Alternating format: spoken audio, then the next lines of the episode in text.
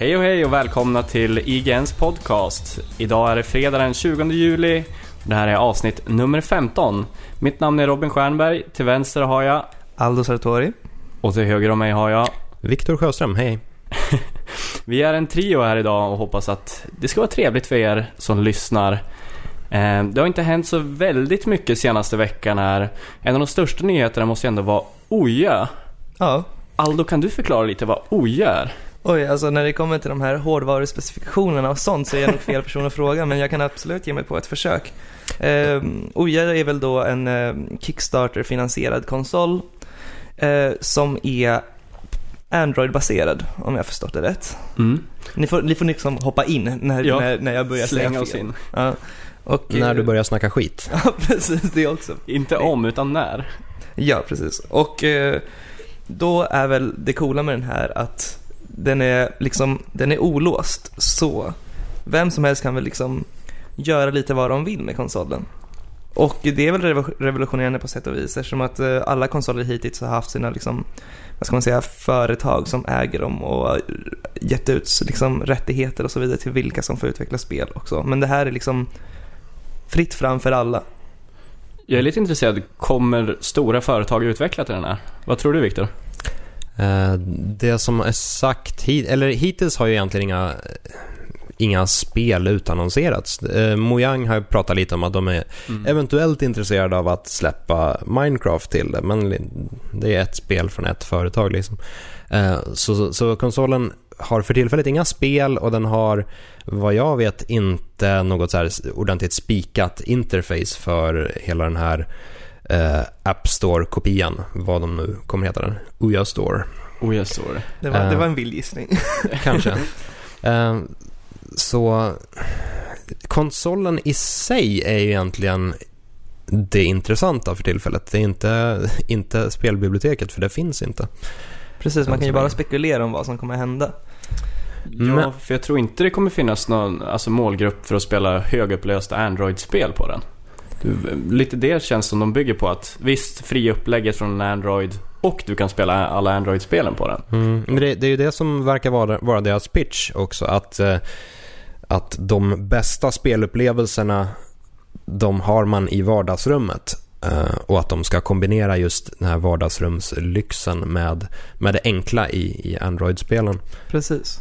Och jag tror, alltså, jag tror absolut att det finns en målgrupp, men för att det, det den här konsolen gör är väl att ge indieutvecklare en slags möjlighet att faktiskt prova på den lite mer liksom avancerade teknologin som kanske annars, när de ska lansera sig själva genom till exempel Xbox Live Arcade eller PSN, det, är ju, det blir ju liksom väldigt bökigt för utvecklarna och det är inte alltid de tjänar pengar på det heller. Inte så överdrivet mycket, men nu blir det liksom lite mer eh, att de själva får styra över sina egna verk och det tror jag absolut bara kan gynna indie-industrin på sätt och vis. Ja, Mm. de har ju lite större plattform än bara släppa det via datorn. Mm. Helt klart. Eh, men jag tänker just eftersom den är så fri, vad kan gå fel med det? Jag tänker nog snarare vad, vad som kan gå rätt med det. Jag, Optimismen, det är bra. ja, man Vad ska, kan gå rätt? Man ska vara glad. Eh, nej, jag, jag, jag, I och med att den inte har några spel för tillfället så, så är det ju just öppenheten som är, är det intressanta med den. Om man tittar bakåt på, ehm, inte nödvändigtvis öppna eh, konsoler, men i alla fall eh, om man ska vara lite ful, lätthackade konsoler. Om man kollar på, på Playstation, Play, Dreamcast är ett extremt exempel. Den behövde inte ens ett, ett chip, utan man, eh, man köpte en Dreamcast och sen gick det utmärkt att bränna spel direkt. Just få konsoler som har varit så, så piratvänlig kan jag säga. Best Eh, ever. Ja, eh, nej, jag, jag tänkte snarare på, på Playstation 1. Det är vissa som menar att, eh, att piratkulturen på Playstation 1 var en, en faktor till att den blev så stor. Mm. Och att, att det var just att det var enkelt att modda den med ett eh, så här multi-X-chip och, och sen kopiera spelen. Eh, och nu är det väl kanske inte kopierade spel som är intressant till, till Uja, men eh, den formen av, av lekfullhet, att Mm. man kan skapa lite vad som helst. Om någon vill testa att göra ett spel lite hur som helst eller testa att göra en, inte nödvändigtvis ett spel utan eh, någon så här App, med, ja, mediacenter eller vad som helst så, så Men kommer inte den här? OJ Store fyllas av massa skit då? Typ som App Store och Android Store har Jo, gjort? alltså, eller eller finns ju en X- Xbox, eh, vad heter den nu för tiden? Indie- Indie... Indie... Ja, Jävlar vad mycket skit det är där. alltså alla. Minecraft-kopior liksom. Ja, ja, det finns ju hur många som Ja, helst. men det fantastiska är ju att det liksom, de, de tjänade pengar på Minecraft-kopiorna Ja, ja. i Indie Store också. De blev ju Stora miljonärer. hackor liksom. Det- fantastiska är att Baby Maker Extreme är ett eh, bra säljande spel. ja, just det, det. kanske säger en del om, om den. Nej men alltså det är klart det finns en risk, men samtidigt App Store är också fullt med skit, men på något sätt så lyckas ju spelare sålla på grund av att det finns eh, folk där ute som faktiskt recenserar de bra spelen och de Mm. dåliga. Och för att, eh, nu vet jag inte om hur fallet kommer vara med Uja, men eh, jag antar att de måste ha någon slags godhetsstämpel, eller någon så här stämpel. Jag tror inte man kan lägga ut, ut, ett spel liksom med bara så här, en miljon penisar och sen så liksom får man sälja det. Alltså någon slags, Så du menar att vi inte får se hentai-spelen på OJ? förlåt om jag gör dig besviken. Fan! Eh, jag ska backa lite också och eh, när jag snackar Playstation och Dreamcast så, så lät det ju väldigt piratfokuserat. Eh, det är inte riktigt det jag menar. Att jag, jag, jag tänker nog snarare om man tittar tillbaka på den första Xboxen. Mm. För den är än idag en av de, de så här bästa mediahubbarna som finns. Mm, just det. Den, den går ju skitbra att, att Mm. använda för att spela musik på till Mm. exempel.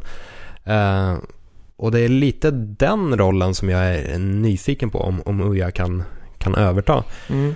Eh, Jag kommer ihåg när de marknadsförde de nuvarande konsolgenerationen och då var det ju att det skulle kunna vara som mediacenter. mm, Och jag försökte ju verkligen göra det i början och bland annat Microsoft körde ju hårt på det här att man kunde koppla in en iPod och sen hade de eh, anlitat någon konstnär som hade gjort det visual effects när man spelade musik så var det så här abstrakt konst som spelades på gamla skärmen. här. Windows Media Player. Ja, precis. Vilket var en, liksom, en lite mer tacky version av Windows Media Player. eh, problemet med att spela musik via Xbox 360 är ju att den låter som ett jävla kärnkraftverk. Ja. Så Precis. det blir inte så mycket och utrymme för själva liksom, musiken. Det är bökigt interface liksom. Det är inte så kul. Det blir Nej. bökigare nästan för varje uppdatering också, Ja. tycker jag. Ja, fast jag, jag, jag tänker tillbaka på den första liksom meny Ja, i och för sig. och liksom får rysningar. Jag får att stoppa Positiva fingrarna i halsen vad jag tänker på det. Ja. Jag, jag hoppas på att Uja ska bli lite, lite så här hubbaktig. Jag gick själv och köpte en eh, ganska populär vad jag har förstått, en Boxy-box härom, härom året. Eh, Vad är det? Det, det är bara en en, en liten så här media-streamer. Så den, eh, den är inte tillräckligt kraftig för att klassas som en, som en HTPC men den, är, den, den klarar av att eh, spela musik och visa film och sådär. Så, Okej. så har man, den, man har den som en, ett litet mediacenter helt enkelt. Och jag hoppas att, att Uja ska kunna fylla den rollen. Mm. Det som är intressant med konsolen är ju delvis att den har en skärm på Mm. eh, kontrollen. Vilket det, det, det kan ju liksom det är en eh, touchscreen också så det ger ju upphov till väldigt många spännande spelidéer antagligen.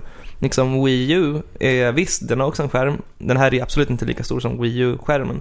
Men skillnaden är väl här att man faktiskt ger fria händer till utvecklare runt om i världen medan Wii U är låst till första, hand, första parts och tredjepartsutvecklare. Mm. Liksom.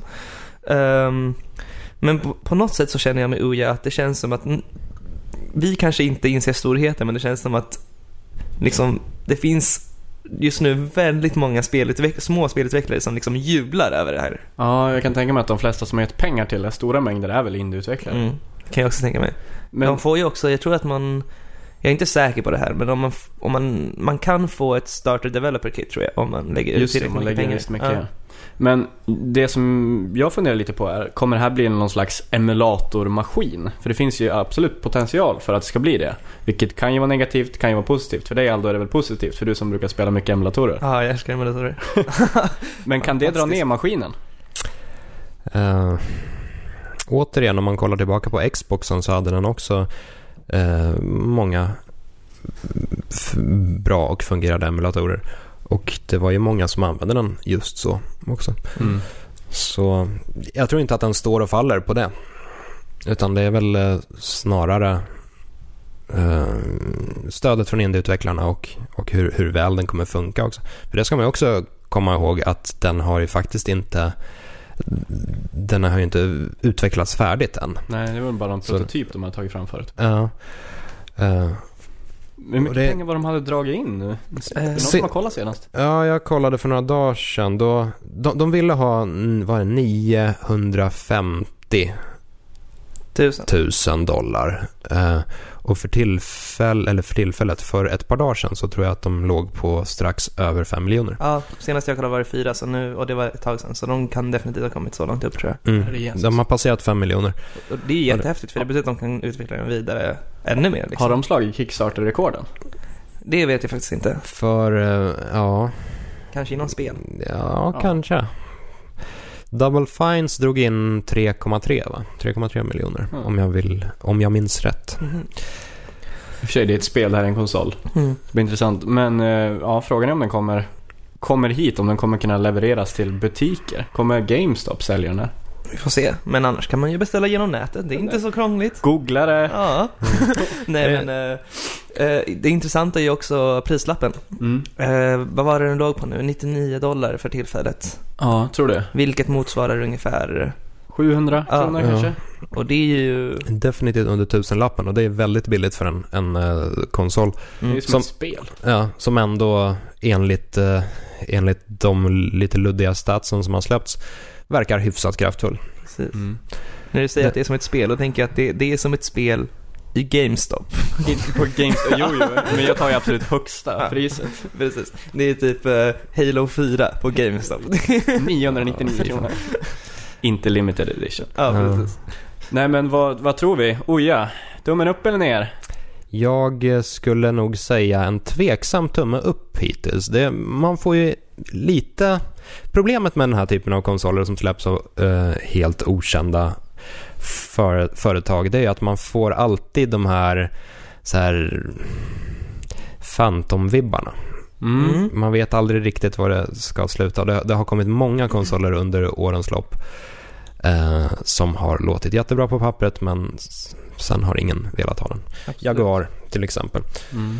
Mm. Eh, men jag är lite försiktigt positiv än så Ja. länge. Aldo? Jag skulle väl också, ja, en, en del av mig är ju av- avvaktande positiv, men eh, framtidsnörden i mig är ju bara jättepositiv. Så att jag tycker man ska utforska allt och jag tycker att det är förlegat med hur konsol, eh, hur, hur konsoler funkar idag tycker jag är jätteförlegat. Som jag uttryckte, jag vet inte om jag sagt det tidigare, men att det är lite som att man liksom, köper man en Blu-ray-box så får man en Blu-ray-box och kan spela alla filmer på det. Ja.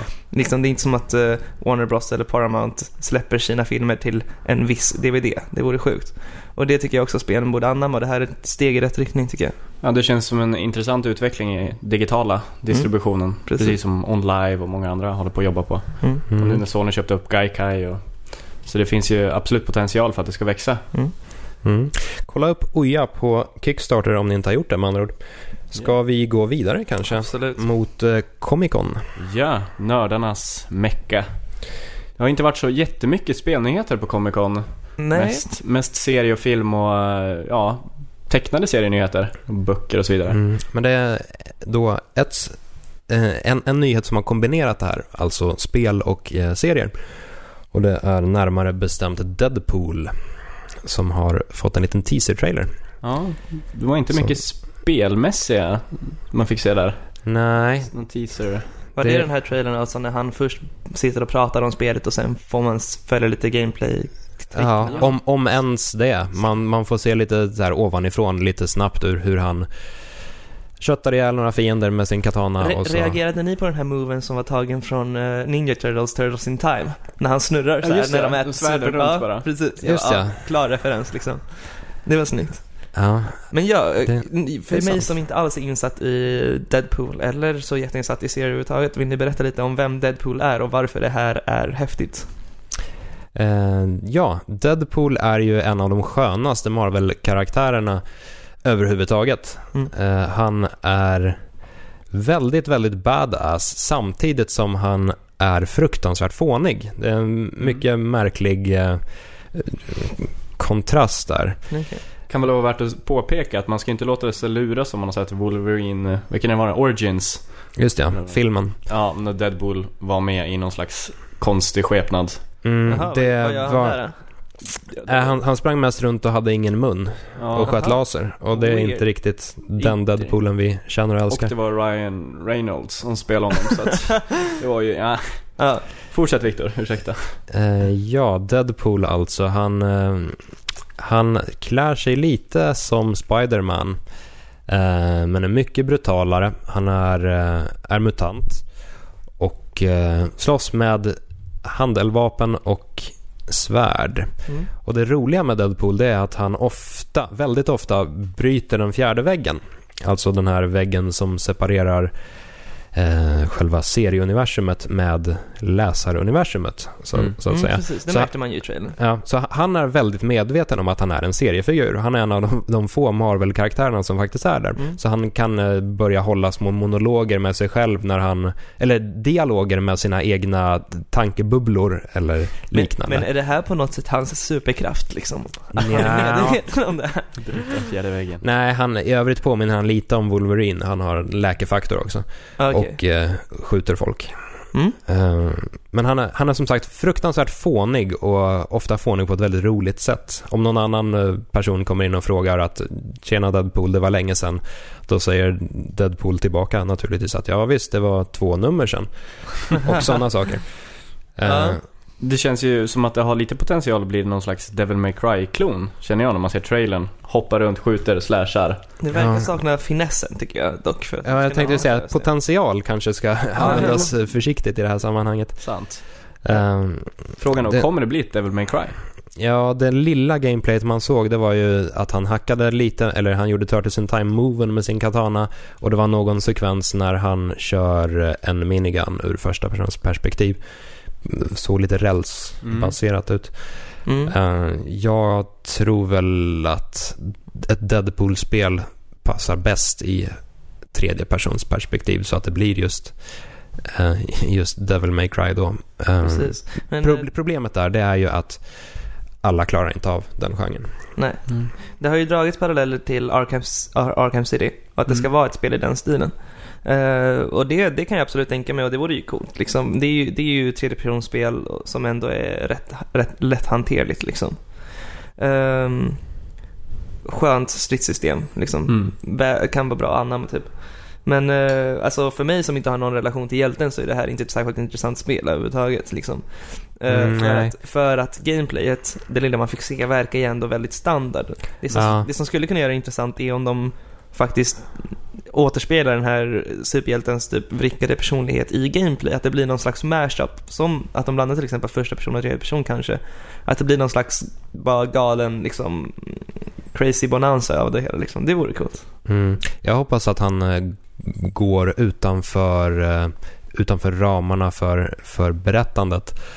Eh, fast han, han börjar dra konstiga paralleller till spelvärlden istället för till serievärlden. Mm. Humor i spel i allmänhet är ju lite, Lite svårt. lite svårt men det, alltså det finns ju det finns så mycket potential där som inte utnyttjas.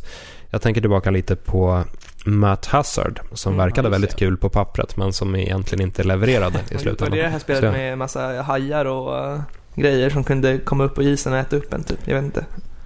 Massa hajar som kommer upp ur isen. Nu, nu får du Nej, förklara okej, dig Karl. okej. jag återkommer i nästa avsnitt och ska jag se vad det här är för spel Då som har jag du spelat det här. Hajspel. Ja. Hajar, hajar i isen. Eh, är det någon som har någon aning om vad fan Aldo snackar om? Skriv gärna, Skriv i gärna. kommentarerna nedanför. Ja, det kommer sen visa sig att det inte alls är något spel utan att det bara var någonting som Det var bara någon feberdröm. Ja. Men vilken, vilken konsol? Eh, Det var till PC tror jag. Det var något eh, third person shooter-spel som hade vrickad humor. Där bland annat det fanns eh, galna hajar. Jag minns absolut inte vad det heter, men jag minns att jag eh, Tred, tredje persons action med Ja. hajar som kommer upp ur isen. Ja, och det är så här vrickad humor bara. Men det, det Så alltså, hajar, hajarna är väldigt roliga. jag tror det. Alltså, det ska vara någon rolig grej med hajarna liksom. Det ska vara någon... Det är en punchline. Ja, jag tror det. Titta, Ja. vi har en haj i isen.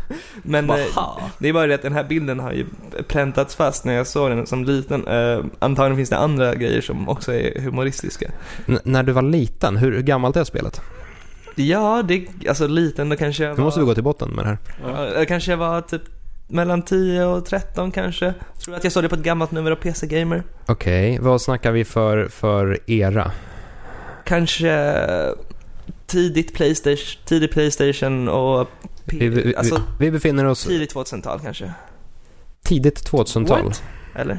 Pl- tidig Då- Playstation ti- 1, ja, då- tidigt 2000. Playstation 2 menar jag. Ja, Playstation ja. 2. Nu jävlar var du nära på att skämma ut det där. Ja, shit. Ja. Så vi snackar Oh, shit. hajar år 2002. Ja, det, vi, vi är någonting på spåret här känner jag. Right. Mm. Men alltså, fokusera inte på hajen. Jag tror inte hajen är det viktigaste här. Det är just det här med isen som är intressant. Och hajen. Ja, Hmm. Ja, nåväl. Låt oss gå vidare. Låt oss gå Eller Ja. gå tillbaka till Deadpool kanske lite Ja, grann. jag tror vi hade sagt det mesta som, som tål att säga som Deadpool egentligen. Ja, Att eh, spelet har potential om, eh, om det faktiskt blir spelbart och roligt. ja. Eh, vilket man inte vet än. kanske Men att det- de gör det- ett roligt spel, humoristiskt också. Ja, tyvärr så blir det ju ofta roliga spel som är tråkiga. Ja. På alla Ja. sätt och vis. Hej, hej Matt Hazard. Eh, superhjältar överlag. På onsdag så kommer Dark Knight Rises. Oh. Uff. Så Mm. superhjältar känns som det är ganska hett just nu. Ja, det är en superhjältesommar. Är ni, är ni peppade? Jag har... Ja, kör först du. Ja, jag är både och. Jag var jävligt peppad förut. Mm. Jag tror jag måste se om båda två filmerna innan nu. Jag tror Ja. jag kör en en helgmaraton här, lite Batman. Jag såg ju en compilation trailer med alla, en trailer för alla tre filmer på typ fem minuter som de har släppt. Så nu behöver inte du se den eller vadå? Nej, då blev jag astaggad för det var som att se om alla filmer innan. Någon som, det- borde ju vara någon som har klippt ihop eh, samtliga av Christian Bales eh, grymtanden också. Ja, precis. en enda lång kombination. Det finns potential. Eh, nej, jag har nog snarare gått åt... Eh, jag, jag har blivit mer och mer peppad. Jag tyckte inte, ärligt talat, att den såg så bra ut från början. Mm. Jag har tyckt att Catwoman har sett förskräcklig ut. Mm. Mm. Eh, jag har tyckt att den nya Batman-dräkten har sett lite för konstig ut och jag har tyckt att Bane också ser lite off ut. Men han ser inte så hotfull ut som man vill att han ska vara. Han Nej. ser lite liten ut tycker jag. Då föredrar jag mångfaldigt eh, Bane i Arkham Asylum tyckte jag var mycket Ja. coolare. Mm, han var ju helt enorm. Ja. Eh, det Bane är mest känd för det är ju eh, när han introducerades i början av 90-talet. Och Då var han med i en, en serie Ark då som hette Nightfall. Eh, när han i, på, på ett berömt sätt eh, bröt ner Batman både, både psykiskt och fysiskt. Först eh, släppte han ut samtliga Batmans gamla skurkar så att Batman var tvungen att fånga in dem igen, blev väldigt trött på det hela eh, och sen konfronterade han då Bruce Wayne eh, hemma hos, hos honom och bröt hans rygg Oj. över knät. Det vill vi se i Vilken filmen. dålig Ja. stil Så alltså. han, han, han blev känd som the man eh, who broke the bat Oh. och blev ju skithård därmed. Automatiskt. Ja, det är ju, det är ju status. Eh, och det verkar ju vara lite dels det och dels eh, den här gamla hederliga storyn från 86 med, eh, som Frank Miller låg bakom som, Mm. som den här filmen blandar. Eh, The Dark Knight Returns hette den. Okej. Eh, som ju, ju gick ut på att, att Batman kom tillbaka efter en lång tids frånvaro. Mm. Ja, lite som i filmen då. Vi ska väl inte spoila vad som händer, eller vi har inte sett den heller men... Nej. Det blir svårt att spoila någonting vi inte vet någonting om. Nej. Nej men det kan ju vara, jag vet vissa som faktiskt inte ens läser någonting om den. Ja, ja, ja, så här media blackout. Ja, exakt. Ja. Så att i och för sig de kanske inte ska lyssna på oss, för de vet att vi brukar spoila saker. ja, men har man en media blackout får man skylla sig själv. Får man vara konsekvent? Ja, precis. Stänga av All internet. media. Ja. Vi, vi kommer fortsätta snacka lite om Batman så Ja. stä- stänga av eller hoppa fram fem minuter. Håll för öronen. Eh, kommer det här bli ett värdigt avslut på den här trilogin tror ni? Det tror jag att den kommer bli. Eh, Jag gillade den mänskliga sidan i, i Batman Begins och det verkar vara den, den de försöker gå tillbaka till här med Bruce Wayne som har, har tröttnat lite på Ja, som sagt, jag har inte sett filmen, men han, han verkar ju trött och less på Batman och han verkar även ganska trasig efter, efter sina eskapader som Mm, Batman. Mm. Och sen tvingas han ändå tillbaka in i rollen eh, just för att Bane går bananas på, eh, Gotham City. Precis. Ja, amerikanska IGN recenserade ju filmen tidigare i veckan och de sa ju det att den var, påminner mer om Batman Begins än Dark Knight. Mm. Och Dark Knight eh, bygger så väldigt mycket på, på Heath Ledger. Så Mm. Precis. Det blir ju svårt det- att det bra återskapa The Dark Knight på något sätt. Alltså jag, jag har inte så höga förväntningar just för att jag tyckte om The Dark Knight jättemycket. Mm. Ehm, och mycket av det beror ju på Heath Ledger. Ehm, mm.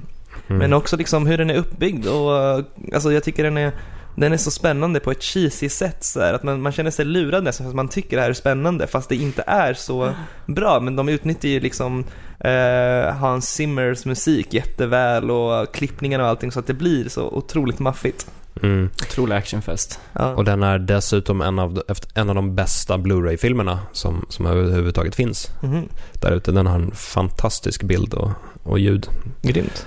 Så den är en på alla sätt grym film. Eh, får se om den här lever upp till det. Men en rolig grej med superhjältar i överlag är ju att man liksom innan typ Avengers kom nu så hade man ju liksom, folk hade ju nästan tagit för givet nu att okej men nu börjar superhjältedöden. Mm. Eh, nu kan vi liksom börja kolla åt nästa håll. Vad kan det vara? Liksom spel, film om spel och så vidare. Men eh, sen kom Avengers och bara blew allt. everybody's mind. Liksom. Ja. Mm. Sålde, slog rekord. eh, Tredje mest sålda filmen någonsin va? tror det. Hittills. Ja, den var inte fantastisk, men den var en Nej. ganska schysst popcornrulle och, och den gick som sagt väldigt, väldigt bra. Absolut. Bra jobbat med så många maincast tycker jag ändå. Jag tyckte Mm. jag tyckte Alla fick sin lilla fin, stund då. liksom. Fina. Men eh, det, min fråga är väl då liksom, vad, vad tycker vi om den här superhjältevågen? Är det dags för den att dö eller ska den fortsätta leva? Nej, jag gillar superhjältar. Jag med. Eh, och jag, jag, jag, har, jag gick och såg eh, nya Spider-Man-filmen häromveckan och jag tyckte den var, var schysst. Mm. Ehm, jag tycker framförallt att det var väldigt skönt att se en Spider-Man utan Tobey Maguire. Jag tyckte, jag tyckte att Helt förståeligt. han, han blev ju för, eh, för löjlig. Efter Mm. jazzdans-scenen i Spider-Man 3 kunde man ju aldrig Ja, se om Spiderman någon 3 går ju inte att se. Eh, jag, jag tyckte han var löjlig redan i de tidigare filmerna, ettan och tvåan. Eh, det, är det finns ju en poäng i att, att bygga den här kontrasten mellan Spider-Man som är eh, stark och kapabel och Peter Parker som är en fullständig tönt. Men Mm. det gick för långt i de filmerna. Eh, Ja, Han ha- blev mer mesig än töntig. Ja, och ha- han blev ju mesig till den punkten att han inte var trovärdig längre. Mm. Så då tyckte jag att den nya Spider-Man-filmen lyckades mycket bättre med det. Och eh, utan att spoila någonting så avslutas filmen med en liten retfull cliffhanger-aktig Ooh. grej. Eh, så det finns ju definitivt utrymme för att spinna vidare där. Mhm. Jag vill se en film som gör Venom rättvis. Mm. Ja, det skulle vara, alltså jag, jag, jag saknar... ehm, Och jag saknar, Carnage. an, jag saknar antihjältarna. Ja. Problemet är väl bara att den här genren är väldigt mycket för... ehm, alltså den ska ju vara anpassad för både vuxna och barn. Eh, Mm. Annars, det är ju nyckeln till att den drar in så mycket pengar. Att så många barn kunde gå Fast och se Avengers. Batman lyckas ju ändå, Dark Knight lyckas ju jävligt bra trots att den är Ja. väldigt våldsam. Men den, eh, den har väl ingen en fem, alltså den har väl en eh, liksom... Har den en 11-årsgräns? Eller är det 15 på den? Det måste väl vara 15. Den Det känns, känns ganska det. mörk. Okej, ja. Jag vet inte hur det går för den i och för sig. Det lär ju gå bra. Den, Det lär Dark Knight Rises vet jag liksom. inte, men f- förra gick ju jävligt bra för den. Okej, ja. Men eh, jag vet inte, jag saknar ändå antihjältarna liksom. Jag tycker att eh, de, jag är personligen mer intresserad av dem. Mm. Uh, finns mer att hämta där och så, mm, jag vet inte, det är klart det har funnits liksom små glimtar av antihjältar i typ Sin City och sådana grejer. Men eh, Just det, en ny Sin City-film är också på gång. det är, ja just det, det är det Den har ju varit på gång ganska länge. Eller Ja, det har ju men- varit mycket spekulation. Ja, men nu är den ju på gång på gång till och med. mm. När den kommer Så. 2013. Eh, det är möjligt. Jag har faktiskt ingen koll. Vi säger det tills vidare. Mm. Å andra sidan har jag 2013, inte ni hörde det här först. Jag har inte riktigt koll på liksom eh, antihjältar i serievärlden riktigt för jag är inte en seriesnubbe direkt men eh, det kanske inte, jag kanske ska nöja mig med liksom Watchmen för det tycker jag är typ den bästa serietidningen. Ja, den var bra. Den var riktigt bra. Ja. Eh, om inget annat så kommer det ju alltid nya Punisher-filmer. Det känns ju som att de rebootar Punisher oftare än, än vad Bruce Banner har lila byxor på sig. Så Ja, Ja, finns... Vem ska vara nya Punisher? Thomas Ah. Jane var väl ingen sådär som... just det. Jag minns Du, inte. du menar om, om vi fick välja Ja. helt fritt? Den, den ultimata Punishern? Ultimate Punisher. Jag skulle vara. Micke Persbrandt Ja, på svenska. ja. Vad Hör du? svenska Straffaren, titeln? straffaren ska det heta. Straffaren. Straffaren. Straffar. Hör du, du och jag ska ha ett rejält snack här. Sen går han på Spy bara och drar koks. Det här blir jättebra. Kanske inte då. Eh, Judge Dredd däremot ska ju också komma om Ja, han, just om det, han det var det räknas som en superhjälte. Han, han är ju definitivt antihjälte. Jag tyckte trailern var lite skum. Det verkar som att den här filmen har mindre handling än den gamla med Sylvester Stallone. Jag minns väldigt lite möjligt. av den måste jag säga. Jag såg den på hyr-VHS back in the days när den var ny. Eh, eller ny nog att komma på VHS, men sen dess har jag inte sett den. Mm. Så jag minns inte så mycket, men jag tyckte att den här ändå såg hyfsad ut. Mm. Mm. Urban. Från Sagan om ringen. Carl Urban. Mannen Okej. med det vackra namnet och... eh, ja... Kanske, kanske. Så superhjältar ska leva i alla fall, det är slutsatsen. De ska inte dö. Ja. Vad, vill, vad vill ni ska vara nästa våg då? Hmm. Vadå, om man byter ut hela superhjältefenomenet mot något helt, något helt annat? Ja, vad vore, alltså man kan inte delvis tänka vad det logiska vore att det följde, men kanske också vad man vill typ. Skulle ni till exempel vilja se en tv-spelsfilmsvåg efter det här? Ja, fast det, den har väl ändå puttrat på lite. Ja, Resident Evil har ju dragit jävla den har ju aldrig blommat Mm. ut liksom. Det har ju funnits sånt så här tydliga fanbärarna, men det är ingen Ja. som riktigt har följt med. Och det har alltid varit otroligt länge har det varit, alltså jag kan minnas sen tio år tillbaka att det har ryktats om flera filmer av storspel som aldrig blivit verklighet. Ja Liksom. just det, Halo och Gears of War Precis. World of Warcraft-filmen. Sam, Sam Raimi hoppade nyligen av. och... Just Ja just det, där har vi en nyhet att rapportera om. ja, jag vill se en The Sims-film. Ja, men, men pro- alltså, det- jag tror att det skulle vara coolt med en tv-spelsvåg för att um, eh, seriet, alltså, serietidningsfilmer var inte så bra innan man liksom satsade och insåg att det finns Mm. liksom en stor marknad för det här. Men det är kanske precis det som krävs för tv-spelsfilmer för de har ju absolut inte varit bra tidigare. Men, Mm, Ja, med vissa undantag. men serier har ju ändå, alltså de bygger ju väldigt mycket på manus och Alltså en Mm. stämning, medan spel bygger inte alls på samma sätt. Varför skulle det bli bra det här? Ja, det är en bra fråga, men man kanske måste välja rätt spel helt enkelt. Jag tror till exempel att en Bioshock-film skulle kunna bli intressant liksom. Ja. Alltså, det handlar nog om att inte sätta fokus på gameplayet utan sätta fokus på universumet typ. Fånga andan typ. Kanske dags att återuppliva Super Mario eh, Bros-filmen. Göra en Super Mario Bros 2. Helt Ja, jag såg, jag såg en bild på Reddit, det var så här: This is why I, I won't watch Spider-Man. Så var det en bild på um, the bad guy i Spider-Man, den här ödlan. Mm. Och sen var det en bild på Bowser. De är ju rätt lika. Dennis Hopper. Fast jag måste säga då att eh, ödlan, The Lizard från nya Spider-Man, han är, han är bra mycket bättre än, än vad Green Goblin var i Tobey Maguire Spider-Man-grejen. Det är så. Eh, visst, eh, Green Goblin är en intressant karaktär eh, och Dafoe är en, Ja. är en fantastisk sk- skådis i den rollen. Dafoe. Men han såg ju ut som en jävla plastgubbe. Liksom, man, man, man kunde ju inte ta honom på, på allvar. Han, han såg var ju ut som en actionfigur som inte ens kunde böja på lederna. Det Alltså, var han såg ut som en fruktansvärt. missbildad actionfigur av en alien. Ja, ja, men det var... Kinesiskt så- billigt. Som så här, Precis, på någon sån här marknad i Kina. Ja, och sen har någon köpt den, rest hem och gjort en liten YouTube-film så här. Haha, nu ska jag döda dig Spiderman.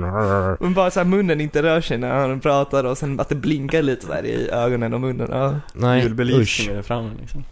Usch för Green Goblin i filmformat och eh, bravo för Lizard. Jag tyckte han funkade bra som skurk. Mm. Vad tror du om eh, en spelvåg för filmer?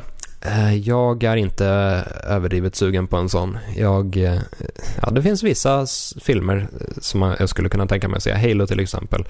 Eh, eller Bioshock då, men inte en våg. Det, det klarar jag mig utan. Jag är kanske lite skadad nu för jag, jag har skrivit, nyligen skrivit en artikel om just Super Mario Bros-filmen från 93 eh, till nästa nummer av Level. Så jag, jag är lite färgad av den här eh, Lite bild... avskräckt kanske. Ja. Liksom. Jag är inte så jättetänd på spelfilm just nu om, Mm. man, om man säger så. Ja, Det är en otroligt osexig film. Ja, jag såg ju om den flera gånger inför, inför skrivandet då. Oj. Så, Kräktes lite kanske. ja, jag har nog sett Super Mario Bros eh, fler, än, fler gånger än de flesta vid det här laget.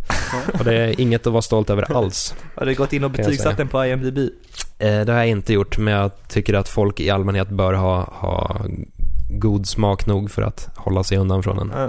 betyg eller inte. Men eh, från en film och, eh, vad ska man säga, från spelfilm och seriefilm och så vidare till en annan. Mm. Eh, World VVZ. Ja, Jag är inte så insatt i det här. World War Z, en fantastisk bok. Den är det? det är alltså Max Brooks som har skrivit den, som också har skrivit den eh, fantastiska Zombie Survival-guiden. Ja, kan, kanske inte lika fantastiska dock. Nej? Eh, det man snabbt ska påpeka är att Max Brooks är son då till Mel Brooks, den berömda eh, regissören bakom bland annat Spaceballs. Varför, Spaceballs. varför är det här bra? Jag har hört mycket bra om de här böckerna. Eh, det, den här boken tycker jag är grym för att den tar en så verklighetstrogen approach till zombieapokalypsen och Mm. dess konsekvenser på människor och så. Och det är väldigt så här, det är otroligt verklighetstroget och snyggt berättat. Mm. Den är... Eh, han har lagt ner väldigt, väldigt mycket research på att, på att få allting att kännas extremt verkligt. Vill du berätta vad den Eh. handlar om Victor? Så att få Eh, ja, eh, boken World War Z då, den, eh, den hand, eller det, det är alltså en, ett återberättande av, av det stora kriget mot zombierna. Så det är eh, överlevare från, från det här, vad som kallas för World War Z, som berättar om sina upplevelser. Eh, och det är en mängd olika överlevare som, som berättar om just sina specifika eh, möten med zombierna. Eh, och de är eh, om jag minns det rätt, kronologiskt eh, ordnade då. Så att de första eh, berättelserna de handlar lite om hur, eh, hur zombieutbrottet började och de första eh, ja, när, när samhället inte, inte riktigt trodde på det och när, när eh, zombierna bara viftades bort som, något, som skrönor och sen hur det blev allt mer verkligt och hur ehm, Ja, till exempel en sån sak som att eh, läkemedelsföretagen försökte utveckla ett, ett, eh, botemedel för dem som var Mm. ren bluff, Mm. som de Mm. bara försökte tjäna pengar på. Eh, och mm, Classic Umbrella. Ja, precis. So Lite umbrella. så. Och ja, hur, hur zombiepaniken blev, blev större och större tills, tills att den nådde den punkten då där människorna var tvungna att dra sig tillbaka till, eh, till små så här safe zones och så använde de stora delar av befolkningen som, som levande beten helt enkelt. Bara för att lura Shit. bort zombierna. Mm.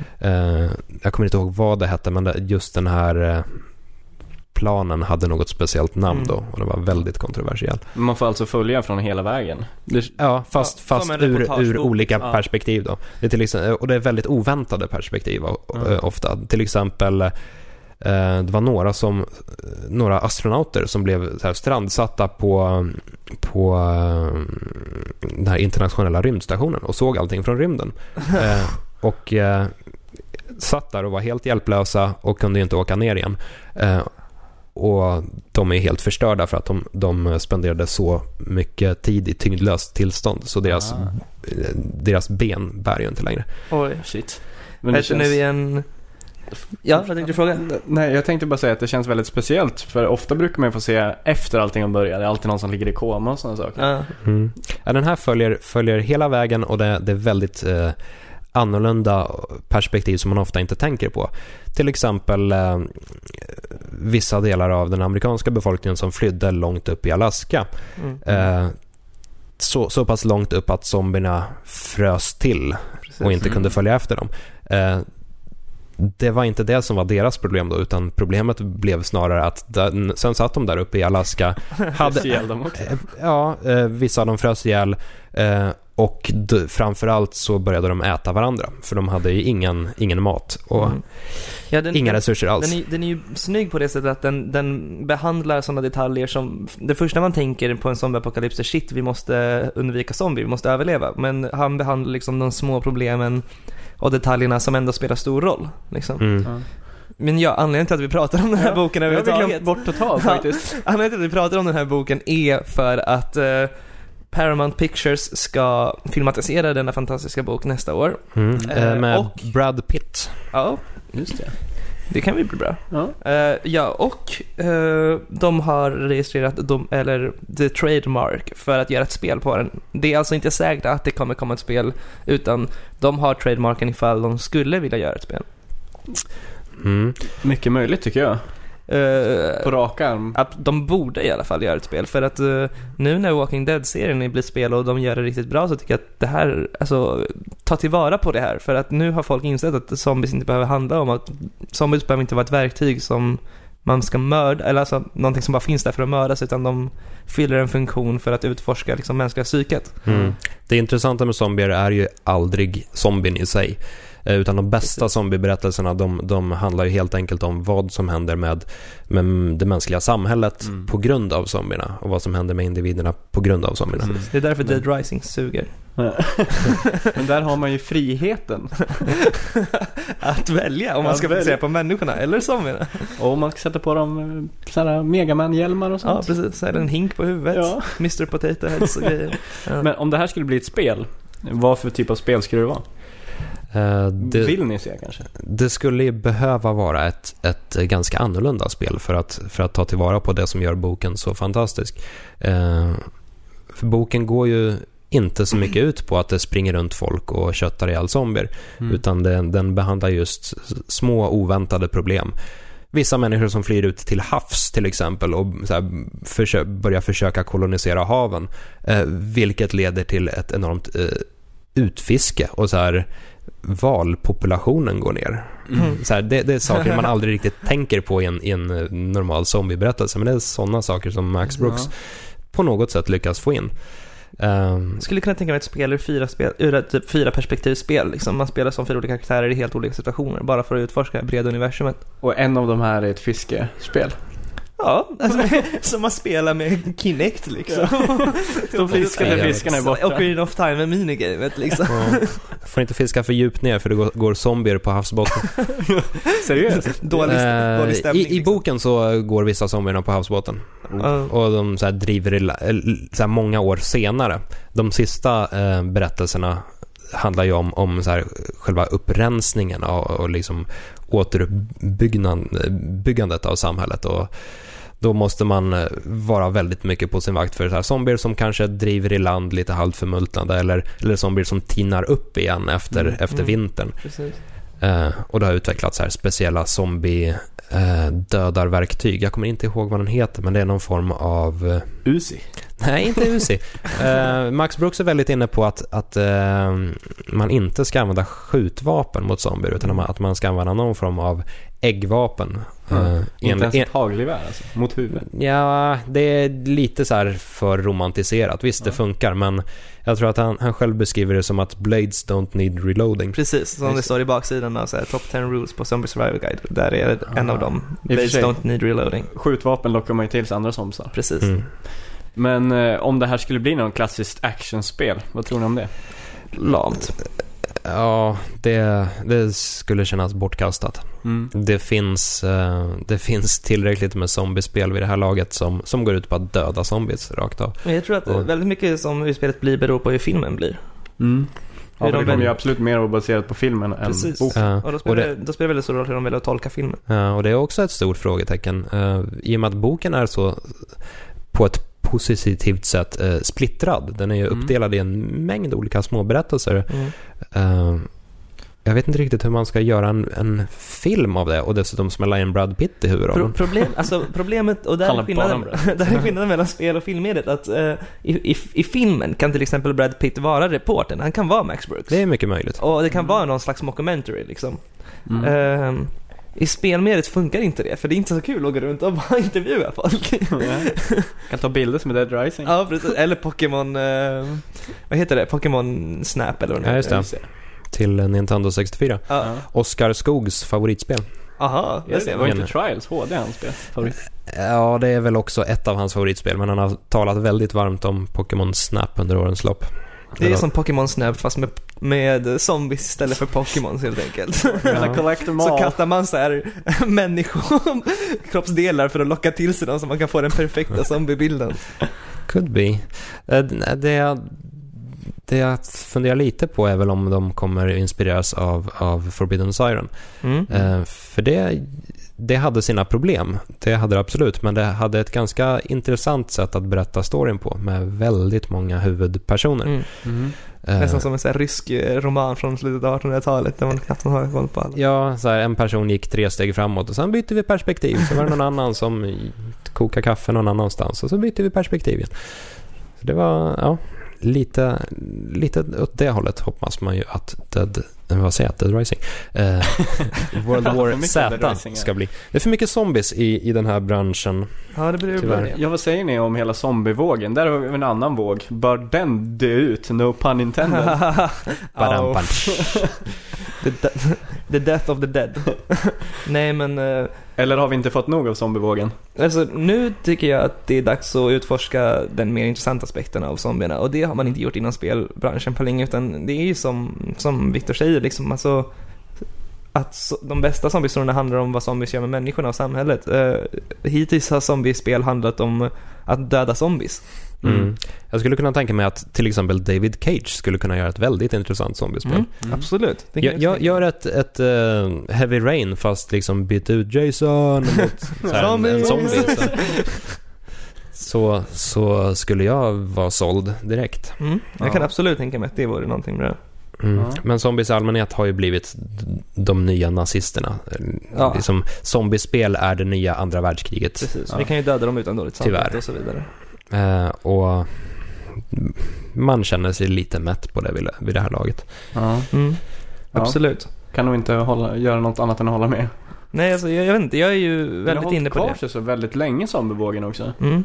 Jo, den har ju det, flera, flera år liksom. Eh, den började, alltså i alla fall inom spel började den för länge sedan. Mm. Eh, jag vet inte, det, det började väl lite där någonstans när man började ehm, göra remakes på George A. Romeros filmer, typ Dawn of Mm. the Dead och så. Och då började det liksom, då blommade det igång igen liksom. Det gick tillräckligt lång tid för att man skulle kunna köra igen det och så, och så vidare.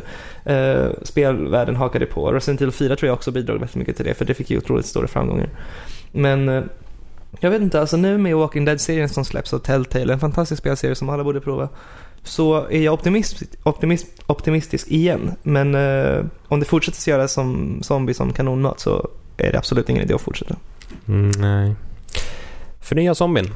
Mm. Helt Mm. enkelt. Det är inga jävla nazi-zombies. Robotzombies kanske? Robotzombies. Ja, Hamsterzombisar. Möjligtvis, möjligtvis. dinosaurier. Nej, dinosaurier! Borde, dinosaurievågen borde komma. Alltså den ska ta över zombievågen. Dino Riders, serien, har ni sett den? Tecknade Ja. Ja, ja, absolut. så med Det- dinosaurier med laservapen. Åh, det är ju... Spel på det. Ja. Ja men det är Ja. jättecoolt. Varför har inte dinosaurier fått sitt stora genomslag? Man Det har kan- kan- med Turok liksom. Kanske kunde vara eh, Rocksteadys eh, nästa projekt när de är tröttna, trötta på Batman. Ja, Ja. Fan mejla till dem nu. ja alltså lyssna på det här. Vi Ja. har guld här Ja. Det ryktas ju om att de ska gå tillbaka till 50-talet nu med nästa Batman-spel, men eh, vad fan, dinosaurier. Ja. Gå, gå 65 miljoner tillbaka år istället och sätt Batman på en T-Rex. När var det senast ni stötte på dinosaurier-tv-spel? Det måste ha varit, eh, tyvärr, eh, Dino Crisis 3. Fy fan vilken skit det var. Ja just det, det var ju typ i rymden och framtiden om man ska säga. Ja, eh, och det var... Nej, det var inte bra alls. Jag tror faktiskt att det var senare. Nej, King Kong kanske hade Det, dinosaurier det också. är det. grymt, T-Rexen i King Kong. Det är typ Ja. det enda bra dinosauriespelet som har gjorts tycker jag. Mm. Ja, Primal Rage va? Det var ju riktigt hårt. Ja, i och för sig så finns det ett, bra dinosaurieparti i nya Turtles, eh, Turtles in Time. Mm, för att Ja. återkomma till Turtles in Time. Vi kanske ska namedroppa Turtles in Time i samtliga avsnitt Mm, jag tycker från och med nu. Eh, det finns ett eh, dinosaurie, det var senast jag tittade på dinosaurier i Chrono Trigger. Det är också sant. Ja just det, du håller på att spela igenom det. mycket bra di- dinosaurier där. Men det är lustigt det här eh, att vi snubblade in på dinosaurier för det är ju exakt vad, vad Capcom gjorde förut. Att de följde upp zombie-spelen och på den tiden så, så tillhörde ju zombie nästan Capcom. Det var ju Mm. inga andra som gjorde zombiespel. Eh, så de gjorde Resident Evil eh, och sen eh, gjorde de dinosaurier istället i Dino Crisis som inte var lika bra. Spelade ni den här ark- arkad Jurassic Park-spelet som de hade till exempel i Gröna Lund när jag var liten? Just det, det spelade jag. Man gick in i ett bås och sen Sköt. Ja, och så gungade stolarna när T-Rexen kom och grejer. Sjukt spännande. Det körde jag nog faktiskt inte. Jag körde det ett Super Nintendo. Det Mm. var fruktansvärt imponerande 3D på den tiden. Alltså tittar man tillbaka på den idag och det ser ut som Wolfenstein fast mycket, mycket hackigare. Så det är kanske inte det, det, det snyggaste man har. Det kom ju Jurassic Park baserat på filmen till, eh, jag tror det var kanske baserat på Jurassic Park 2 till Playstation. Spelade ni det? Nej. Men jag kom på en annan grej. Eh, Det ska ju komma en ny Jurassic Park-film. Ja? Då kanske vi får se den här dinosaurievågen. Alltså det, det, det, det är ju ett dinosauriespel på gång just nu, som, jag minns inte vad det heter, som utvecklas just nu. Som är ett first person-spel där man spelar som människa och skjuter dinosaurier typ, och man kan spela det online och grejer. Men jag vill rida på dinosaurier, va? Ja, då är vi tillbaka till det här att de all, alltid används som fiender. Ja, exakt. Mm. I Turok Dinosaur, Dinosaur Hunter till exempel så, så är de ju eh, motståndare och det är, man använder sig ju inte av dinosaurierna som, som, eh, som några hjälpmedel eller vapen, tyvärr. Det vore kul med ett spel där man skulle tämja dinosaurier och sen rida på dem. Såhär liksom. Monster Hunter-style. Ja, men blanda så här, den här, de här, när man ska fånga hästar i, i Red Dead Redemption, kombinera det med eh, Shadow of the Colossus eh, Och sen, eh, lägg, lägg in så här ridmekaniken från Super Mario World och Yoshi. precis, då blir det helt plötsligt 2D-spel. Det här är ju fantastiskt. Bäst spel. Mm. Ever. Sådär ja, dinosaurievågen. Ja. Ja, vi får se. Mm. Har potential, absolut. Mm. Vi kanske ska lämna dinosaurierna och istället eh, kolla upp vad vi har spelat. Ja. Just det, just det. Det måste vi prata om också. Om det har varit några dinosaurier där. Aldo, du sp- har ju, spelar ju mycket gamla spel. spel som Jag har blivit, jag har blivit den ju. em- emulatorkillen eller vad man ska säga. Det här är i och för sig inget emulatorspel, men du hade ju köpt ett spel här på Steam när det var rea. Jag köpte Dear Esther som var på rea nu. Eh, Det här omtalade indiespelet som mer än ett spel ska vara som en eh, interaktiv dikt. Eh, Vilket det sätt, på sätt och vis är. Eh, Det handlar om, man, man, det är baserat på Source-motorn. Det var från början en mod till Half-Life men har nu blivit ett eget spel som man betalar pengar för, riktiga pengar. Ehm, och det går, det går ut på att man bara går runt i en ö, man kan inte springa eller inte interagera med sin miljö och Och det är första person. Precis, det är first person och det spelas upp eh, dialoger eh, som till en viss mån är random-genererade. Och de här dialogerna skapar en historia. Så olika spelare får liksom... Men det finns huvuddrag i historien som alla kommer förstå, men annars finns det små detaljer som alla spelare kommer uppfatta som olika. Men spelas de här dialogerna alltså beroende på vart du går eller kommer de bara upp helt random? Hela tiden? Alltså de triggas när man går vid vissa Mm. ställen, fast vilken dialog det blir är olika för olika spelare i viss mån. Så det är ju häftigt och det är väldigt intressant. Det här är mer av ett, vad ska man kalla det, not game som det heter. Mm. Alltså konst, art games i stil med typ The Path, där kontrollen man har över, spelar, över det man spelar är begränsad. Och det roliga är, eller alltså fokus ligger inte på att ha roligt med spelet, utan fokus ligger på att eh, få ut någonting av spelet. Mm. Så känner du att du får ut någonting av det rester? Mm, Det var fint, men eh, och det var fint och kryptiskt och så. Ehm, Jag är absolut positiv och jag tycker Not Games-rörelsen är jätteintressant. Så Fast du hade inte så roligt. Mm, nej, men jag är inte ute efter att ha roligt när jag spelar tv-spel heller. Jag, jag tycker att The Path förändrar rätt mycket för mig på hur Mm. jag ser på spel och The Path är ju verkligen inte ett roligt spel. Det är mest ångestladdat liksom. Mm. Ja. Eh, Jävligt starkt spel. Mm, väldigt, väldigt fint också. Mm. Så eh, jag är absolut positiv till den här rörelsen och jag tyckte det här var ett steg i rätt riktning helt klart. Mm. Bättre eller sämre än The Path? Sämre, definitivt. Sämre För The Path Path. är ju så otroligt bra tycker jag. Sämre än Journey? Ja. uh, sämre än To the Moon. Eh, Vad är det bästa så- än om så- du så- jämför med sådana här spel? Sämre än det mesta, men... nej Men- men nu jämför jag med Och inte speciellt kul, men ganska bra. Man får ut något av det i alla fall. Ja men det, det, det, är, alltså, det är i alla fall ett, ett av de bästa indiespelen där ute just nu liksom. Mm. Helt klart. Eh, Jag köpte det också faktiskt. Det kostade eh, två... Kronor? Mm, två kronor? Nej, två, Två dollar. Två euro till och med. Är det? Eh, Är det rea fortfarande? Jag tror inte Nej, det. sorry, De, sorry man. de kör ju en... en Kan jag få låna ditt? Ja, du kan få låna mitt Steam-konto. Ja. Så kommer det hijack. men det, det brukar ju sällan råda, råda någon brist på bra spel som reas ut på Steam eh, under den här sommarrean. Det brukar ju snarare vara ett problem att, att eh, det är för många. Ja.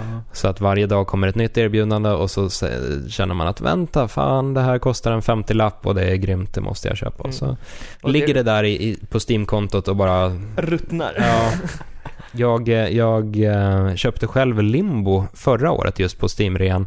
Eh, som jag inte kom för mig att köra förrän, förrän igår. Mhm. Så nu är jag halvvägs genom Limbo, lite sent till festen. Vad tycker du? Eh, det är fint också. Ja. Men det är väl lite speligare än... än Det är ju det. Nästan lite för spelet för sitt eget bästa tycker jag. Mm. Mm, kanske. Det, det blir ju lite frustrerande ibland. Mm. För att det är konstiga problemlösningar och kontrollen är inte helt hundra. Nej. Det känns ju Så. lite mer som om man skulle kategorisera in de här indiespelen som är lite konstiga. Känns ju Limbo lite mer Braid nästan än Dear Esther, Journey Path. Absolut. Fast det är inte lika Mm. smart som Braid. Nej. Eh, det är lite, det, det, det, he- hela Det- grejen med Limbo är att det är ett rätt dumt spel egentligen. Mm. Det, Bara det, att det är svart. ja men det, det, Ja. det, det kör lite på sitt svartvita och sin image liksom. Det, det är lite, det är ett hipsterspel liksom. Det, det, Man spelar det ironiskt. eller bara spelens hipsters liksom. Hade du bara haft lite färg och bättre kontroll hade det varit Super Mario Bros. Precis. Men Eh, det är ett bra spel, absolut. Du hade spelat något annat också Viktor, den här veckan. Eh, ja, jag började väl köra lite uh, Spec Ops The Line, alltså spelet som utspelar sig i, i ett postapokalyptiskt Dubai. Och apokalypsen i fråga är världens största sandstorm. Så det är Dubai Mm. med plus, plus tusen ton sand. Eller fler ton sand än så. Eh, och det är ju så här coverbaserad tredjepersons actionspel. Eh, på förhand har det snackats rätt mycket om att det, det ska verkligen eh, utmåla det här krigets hemskheter. Det ska fokusera väldigt mycket på, på det, det smutsiga och fula i, i krig. Eh, hittills har jag väl inte hunnit se så mycket av det. Och jag får se om jag orkar spela vidare. För jag, jag börjar känna att dels är jag ganska trött på, på coverbaserade tredjepersonsspel Ah, eh, vid det här laget. Eh, och om man dessutom eh, sätter dem i, i, eh, i kontexten att det är till den här generationen, att det är liksom samma okej som vi har, har dragits med i, eh, vad är det nu, sju års tid. Ja, Så Ja. det, det, det Ja, börjar kännas ja. lite gjort Mm, i det här laget. Men eh, det spelet ska ju vända i mitten har jag hört, liksom, till det otroligt mycket Mm. bättre. Mm. Mm. Eh, jag hörde även att Johan Hallstan tröttnade lite. Han, han kände att det dippade lite om jag förstod honom Ja. rätt. Eh, När alla andra sa att det skulle höjas. Ja, han kanske bara är, är Han är- eh, han vill inverterad. Han ville ha liksom covermekaniken och dude Ja, bro-dialogen. Han vill ha bara Gears of War rakt. Han vill ha ett spel som, som går ut på fistbumpa. ja, precis. Istället fick han känslor. Ja, Han bara, vad är det här? Jag vill ha skitspel. typ så. Det, det, är den, våran den, Johan. Det, det är den Johan vi alla känner och älskar. Otroligt malligt. Ja. Ja. Eh, nej, men jag, jag får se om jag orkar eh, köra vidare. Mm. Eh, kanske, kanske inte. Eh, I övrigt så väntar jag väl mest på att speltorkan nu under sommaren ska, ska dra förbi. Och det lär väl bli i, i augusti då, med, i och Mm. med uh, Deadlight. Deadlight Mm. Darksiders 2 typ. Mm. Nya CS. Nya CS igen. Uh, Men apropå eh, indiespel Mm. så har jag spelat ett indiespel som redan ligger uppe min recension på, på ign.se. Nej, Just det. se.ign.com. Eh, det är någon Ja. annan som har ign.se har jag sett. ja, det, det, är, ju- det är ju, vad heter det? Ehm, det är ett statligt organ i alla fall, jag Ja. minns inte vad det heter. Jag ska bränna skiten. Nej i alla fall. Det är ett rätt viktigt statligt organ tror jag, så det är nog bäst att inte bränna det. Alltså, jag tror det är typ de som skjuter in pengar ifall det går åt helvete med ekonomin eller någonting sånt. Ah, skjuter de in pengar till oss? Eh, jag vet inte, det... Ja, I see what you did there. Jag vill ha ett ja nu Aldo. Nej, i alla fall. Spelunky. Eh, gammalt PC-spel. Kan, kanske världens bästa namn för övrigt. Spelunky ja. Eh, det är väl taget från något så här jättegammalt spel. Så här halvt. Har Det har ju vissa likheter med Rick Dangerous. mm. som är eh, inte dagsfärskt, Nej. om man säger så.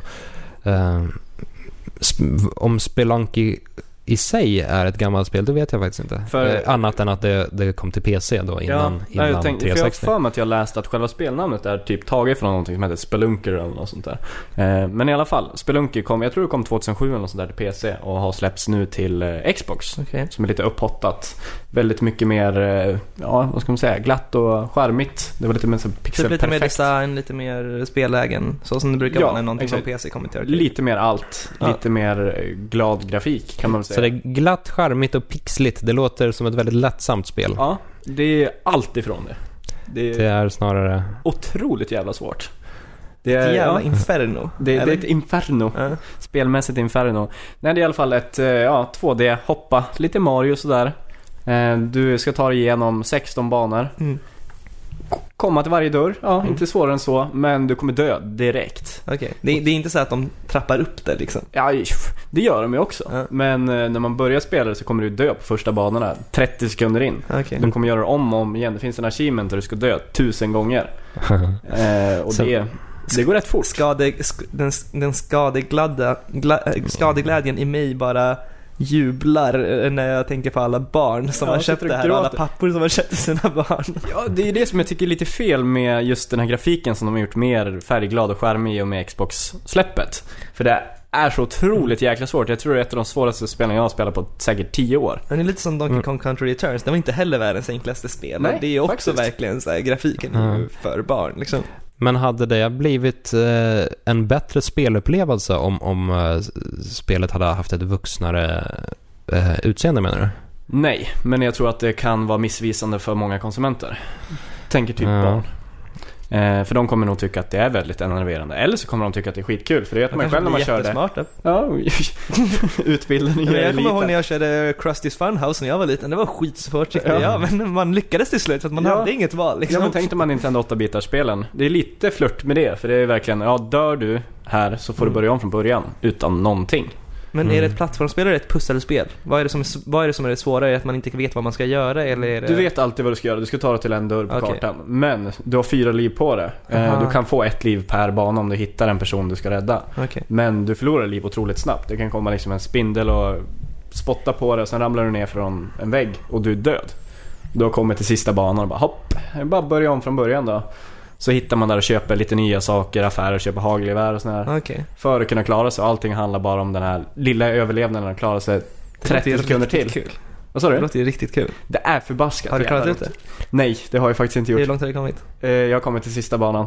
Oh, Jag har snuddat vid den. Ja, jag, ska, jag ska köpa det när jag kommer hem och klara ut det. gör det. Klarar du det innan mig. Ja, precis. Det är bara därför. Värt att påpeka är även att det går att co-opa. Mm. Så, eh, Upp till fyra stycken.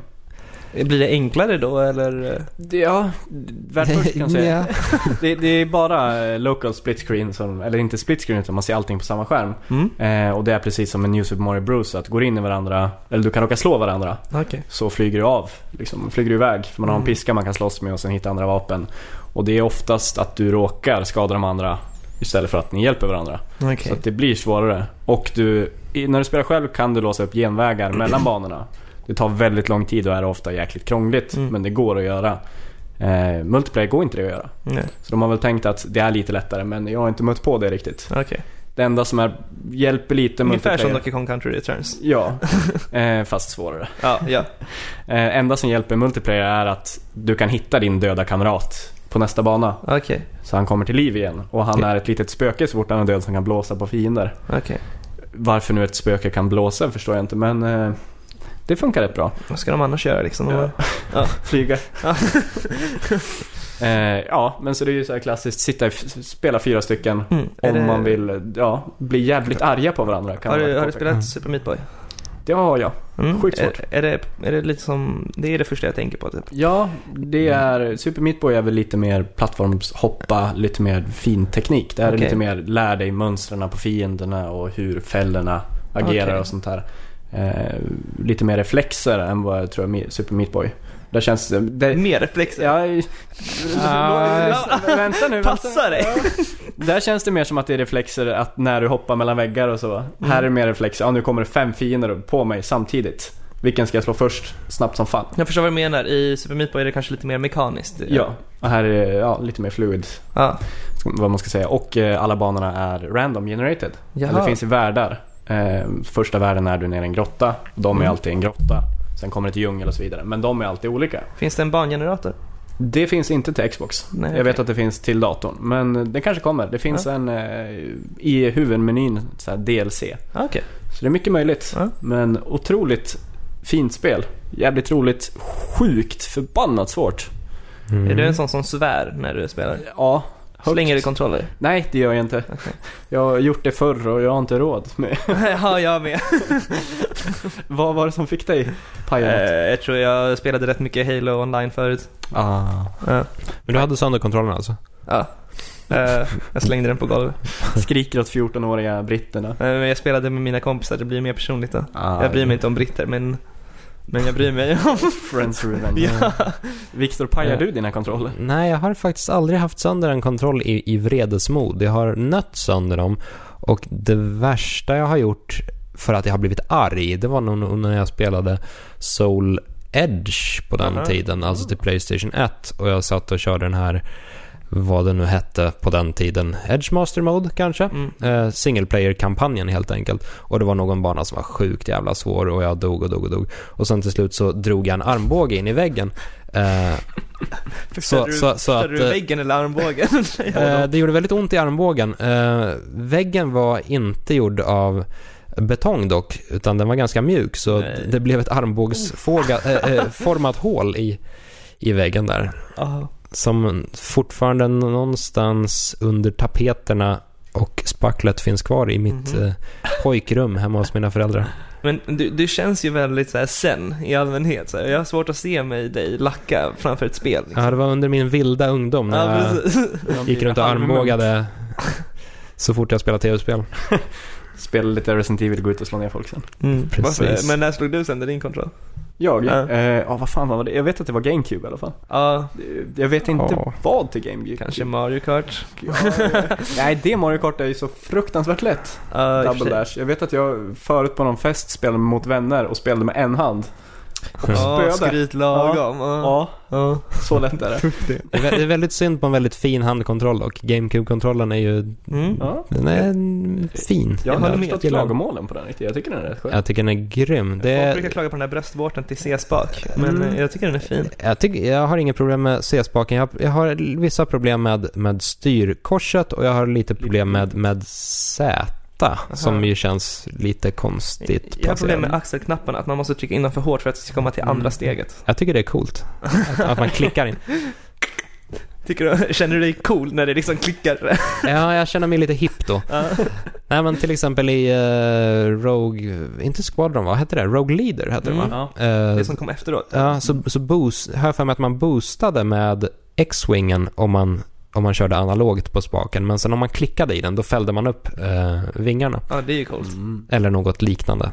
Det, Till ett fint klick. Ja, Mm. det är den typen av lösningar gillar jag. Jag förstår fakt faktiskt inte varför eh, den här Pro-kontrollen till eh, Wii U ser ut som en Xbox 360-kontroll. Nej, När, när de eh, istället borde ha tittat tillbaka på sin egen GameCube-kontroll som ju är, på många sätt och vis är, är en fantastisk Eh, det. kontroll. Lite, lite knappar möjligtvis. Ja. Det gick ju skönt Det också. gick Det, så man skulle kunna modifiera den lite och så hade den blivit perfekt. Mm. Mm. Men eh, ja, nu får man spela med en 360-padda istället. Det Kul det också, antar Man jag. kommer blanda ihop dem liksom när man är hemma så här. Okej, men nu ska jag spela lite Wii U så här bara. Satan. Ja. Eh, ett sista tema jag tänker på här när vi pratar just om Spelunky och svåra spel. Mm. Vad är det svåraste spelen ni har spelat? Eh, I wanna be the guy. Vad är det för spel? Det är ju ett uh, indiespel eh, som är gjort på PC av en snubbe som bara ville prova att göra lite bandesign. Mm. Och då gjorde han bara de svåraste banorna som man kunde komma på. Så det var inte tänkt att någon skulle spela dem liksom. Sen släppte han det som ett spel ändå. Som freeware. Och det är otroligt svårt. Alltså det tar kanske en timme att klara en skärm och jag vet inte hur många skärmar spelet består av. Har du klarat det? Nej, gud nej. Och det är ju liksom så här. När han gjorde det så drog han in lite så här. All, all, alla möjliga texturer från alla möjliga spel. Så det är liksom så här. Första bossen är bland annat en blandning mellan en boss i Mega Man och eh, slutbossen av Super Mario World. Ni vet Bowser när han flyger Mm. runt i den här Mm. tefatsgrejen typ. Clown-grejen. Eh, så Clownkoppen. Ja, precis.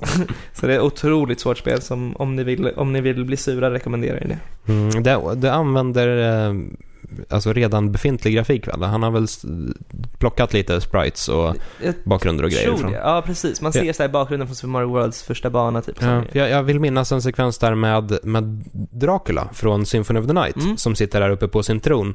Eh, och drar det här talet han, han kör i början av Symphony of the Night. Och sen kastar han bort sin kopp med vin som han har suttit och sippat på. Och koppen i sig är en projektil. Precis. Så han kastar den Ja. och så bara dör man direkt av att den landar på honom. Det är precis sådana grejer, så här, grejer. Och till exempel en jätterolig grej är när man möter den här första bossen så kommer det fram en error-skärm.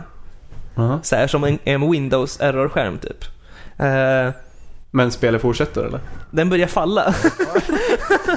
så det är liksom en grej. Den faller jättesnabbt efter att den kommer upp där och dödar den. Ja, kanske inte första en error-skärm har dödat. Mm. Nej. Svåraste spelet jag har spelat? Svårt. Ja, det finns säkert svårare eh, än vad jag kommer på nu, men jag skulle nog eh, vilja lyfta fram eh, Battle Kid.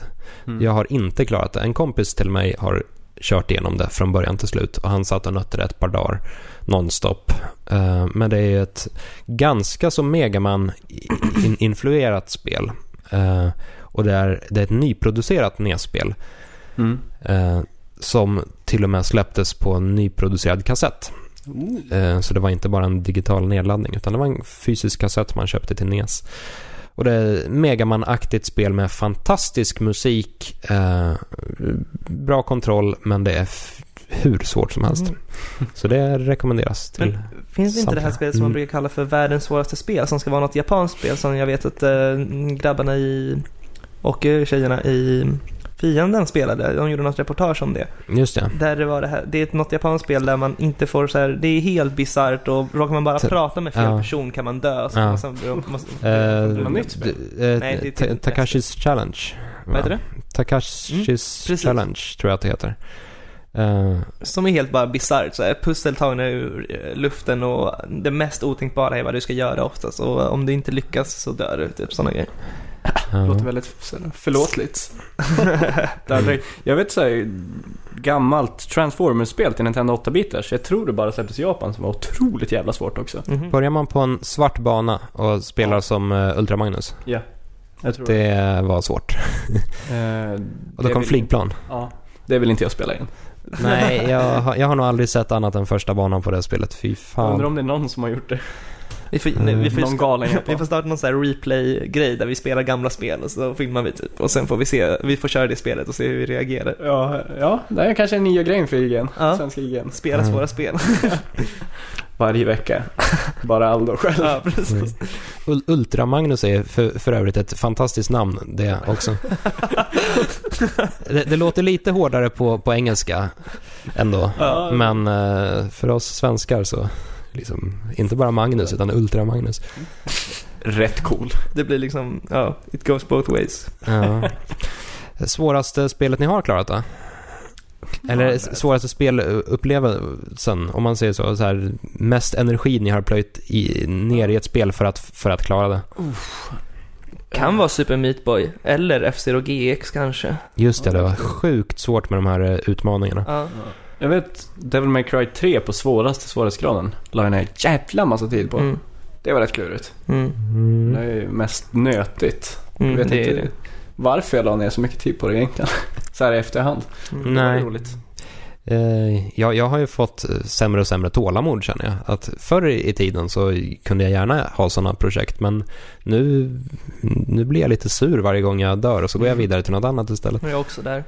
Eh, men jag skulle tro att, eh, ja, kanske Metroid Prime svåraste svårighetsgraden med 100% scans. Mm.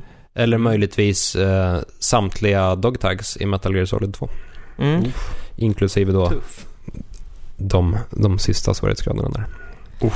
Kommer ihåg första, min första run i Metroid Prime som för övrigt är ett, ett av mina absolut favoritspel. Ehm, jag eh, jag så här insåg efter ett tag okej men jag vill scanna allt så här. Mm. Eh, och det var ju först, och jag insåg inte att scanfunktionen fanns uh, förrän en bit in och då hade jag självklart missat första bossen. Ah.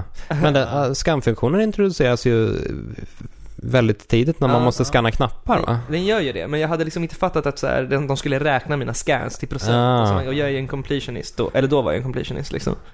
Eh, så då missade jag första bossen och sen så efter, när jag började scanna efter det så hade jag tänkt, inte tänkt på det. Och sen när jag kom så här, började närma mig slutet och bara fuck liksom. Mm. En procent kvar. Ja. Den, den sparfilen finns fortfarande, fortfarande där för att påminna mig om. Oh, den vet jag jag råkade ut för. Eh, skulle samla allt i GTA Vice City, Ja. 100% och var låg på sista 99% och upptäckte jag att min lillebrorsa hade fuskat i spelet. Nej. Vi fuskar fram en bil eller någonting och då kan man inte få 100% Två gånger i rad! hur, hur lång tid tar det att eh, skaffa 99% på ett ungefär? I det? Ja. Eh, ja du, säkert. För mig då tog det väl säkert 100 timmar eller någonting. Men vad gör man Minst då? Är det, är det så alla sidouppdrag Ja, och alla sidouppdrag, hitta, hitta alla de här fåglar små... typ? Eller vad är det Ja, det är nästan små flygande hemliga saker man Okej. hittar och ja, alla uppdrag, Shit. allt. Eh, Men man fick två livvakter där. Ja, fett. Ja. Det är som, det är som, typ som att klara ut Super Mario 64. Bara, aha, du hittade alla 120 stjärnor, du får träffa Yoshi. Du får 100 extra liv. Eh, så du kan spela mer Super Mario 64. Värt. Ja, Känns, känns sådär. ja alltså. lite så. Så fick man väl ett nytt sätt att, att trippelhoppa på. Jag för mig att han, han gjorde någon form av volter Ja. istället för... Eller så här, Det var någonting med volterna som blev annorlunda Aha. av det. Jag kom aldrig dit, jag hade bara häftiga kompisar som kom så långt. Jag kom till 117. Ja, det var häftiga kompisar. Ja. Väldigt häftiga kompisar. Vilka var de sista stjärnorna du missade? Eh, Det var en som var i... Rainbow Road. Mm, ja, en i Rainbow Road. Och en i den här underjordiska gången. Den här där det finns någon, en, ett monster som liknar Lapras jättemycket. Pokémoner ni vet. Ja, just det. Ja. Och sen en i klockbanan. Just ja, Mm. fy. Den var... Den är lite jobbig den. Mm. Ja. Kanske man ska återgå till Mario 64 i helgen. Ja. Det har jag till Wii. Det är ju kul. Mm. Kanske blir ett gemensamt spelande här i... Ja, jag tycker det alltså. Så nästa vecka så snackar vi om Super Mario 64. Eventuellt. Eventuellt. Och med Mm. det så kanske vi vill eh, tacka för idag. Ja, jag är nöjd. Du är nöjd. Mm. Viktor, är du nöjd? Jag är alltid nöjd. Sen som Ja. sagt. En Väldigt nöjd människa. Inga armbågar i väggen här. Nej, inte, speciellt inte här i den här lilla spelgrottan eller spelkällan vi sitter i för här är det, här är det hårda väggar. Men De- annars så. Ja, de här kan man nog inte ha hål i utan att paja både en och två Fast armbågar det, på om det är vägen. någon som har armbågar eller knytnävar av stål så är det ju du Viktor. Ja, challenge accepted. Vi får se om jag bryter armen till nästa, nästa gång. Fist of steel. Ja. Ja. Ja, återstår Då- att se nästa avsnitt då. Yes, uh, tills vidare så kan ni ju följa oss på Twitter bland annat. Uh, mig når ni på att Viktor underscore Sjostrom, för jag får inte ha några prickar, så jag får inte heta Sjöström. Sjostrom alltså. Synd. Mm. Mig hittar ni på Twitter, at Robin Stjernberg. Och mig hittar ni på aldo understreck sartori. Tack så mycket för att ni lyssnade. Tack tack. Ha det bra. Vi hörs nästa gång. Ha det bra.